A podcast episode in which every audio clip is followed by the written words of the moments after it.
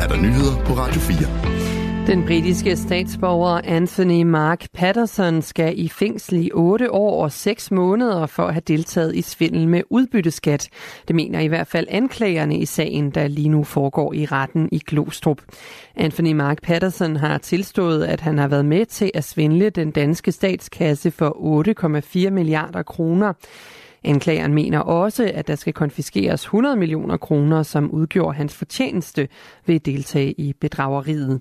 Anthony Mark Pattersons forsvar mener omvendt, at deres klient skal idømmes en fængselsstraf på mellem 6,5 og 7 års fængsel. Regeringen har stadig ikke anskueligt gjort, at Danmark kan nå sit mål om at have reduceret udledningen af drivhusgasser med 70 procent i 2030. Det siger Klimarådet, der har præsenteret sin seneste rapport i dag. Klimarådets formand Peter Mølgaard siger Klimarådet er jo utålmodigt i forhold til at få den øh, tilstrækkelige klimapolitik. Og samtidig er vi jo nødt til at basere os ikke på det, som vi forventer kommer, men på det, der faktisk ligger. Og det er jo det af vores metode, at vi kigger på, hvad er der af konkrete udspil. Det er især landbruget, der mangler at reducere sit aftryk på klimaet, og Klimarådet mener derfor, at det haster med at få indført en CO2-afgift for landbruget. Peter Mølgaard mener, at regeringen godt kan droppe en grøn trepartsaftale og bare indføre en afgift med det samme.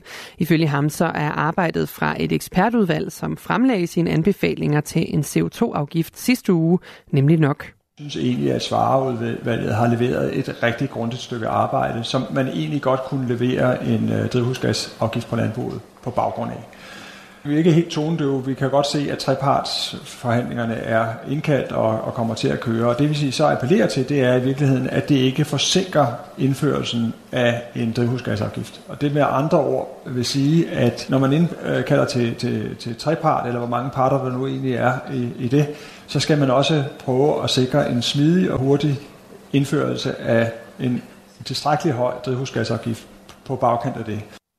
Det er blandt andet Landbrug og Fødevare, Fødevareforbundet NNF og Danmarks Naturfredningsforening, der er en del af den grønne trepart sammen med ministre fra regeringen. Klimaminister Lars Ågaard siger til TV2, at den grønne trepart er nødvendig for, at alle parter føler ejerskab til klimapolitikken. Jamen, jeg er enig med Klimarådet i, at vi har travlt, men øh, jeg tror ikke, at treparten er en forsinkelse.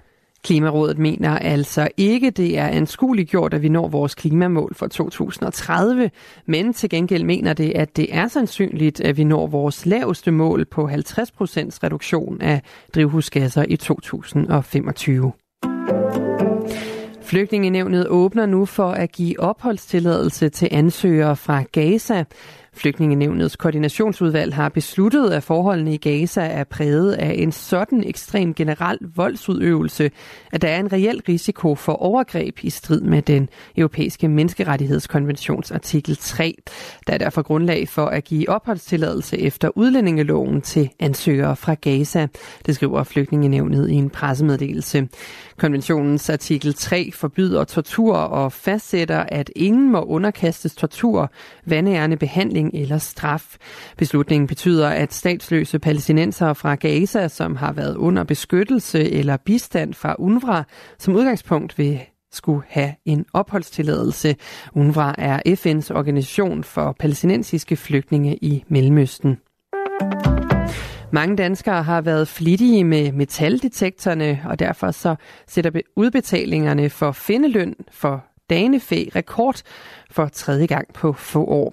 Sidste år der udbetalte Nationalmuseet knap 9 millioner kroner i danefæ godtgørelse, simpelthen fordi der bliver fundet mere danefæ.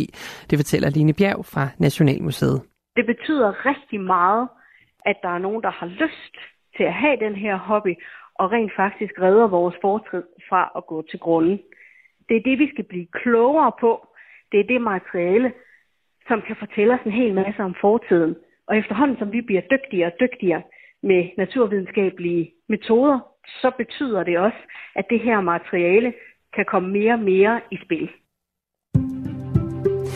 I den sydøstlige del af landet bliver det tørt med lidt eller nogen sol. Det er, hvis vi være slut med det, mens det længere mod vest er skyet, og Jylland og Fyn for perioder med regn. Temperatur mellem 5 og 9 grader, og lidt til frisk vind fra syd og sydøst. Det var nyhederne her på Radio 4. Bag mikrofonen var Anne-Sophie Felt.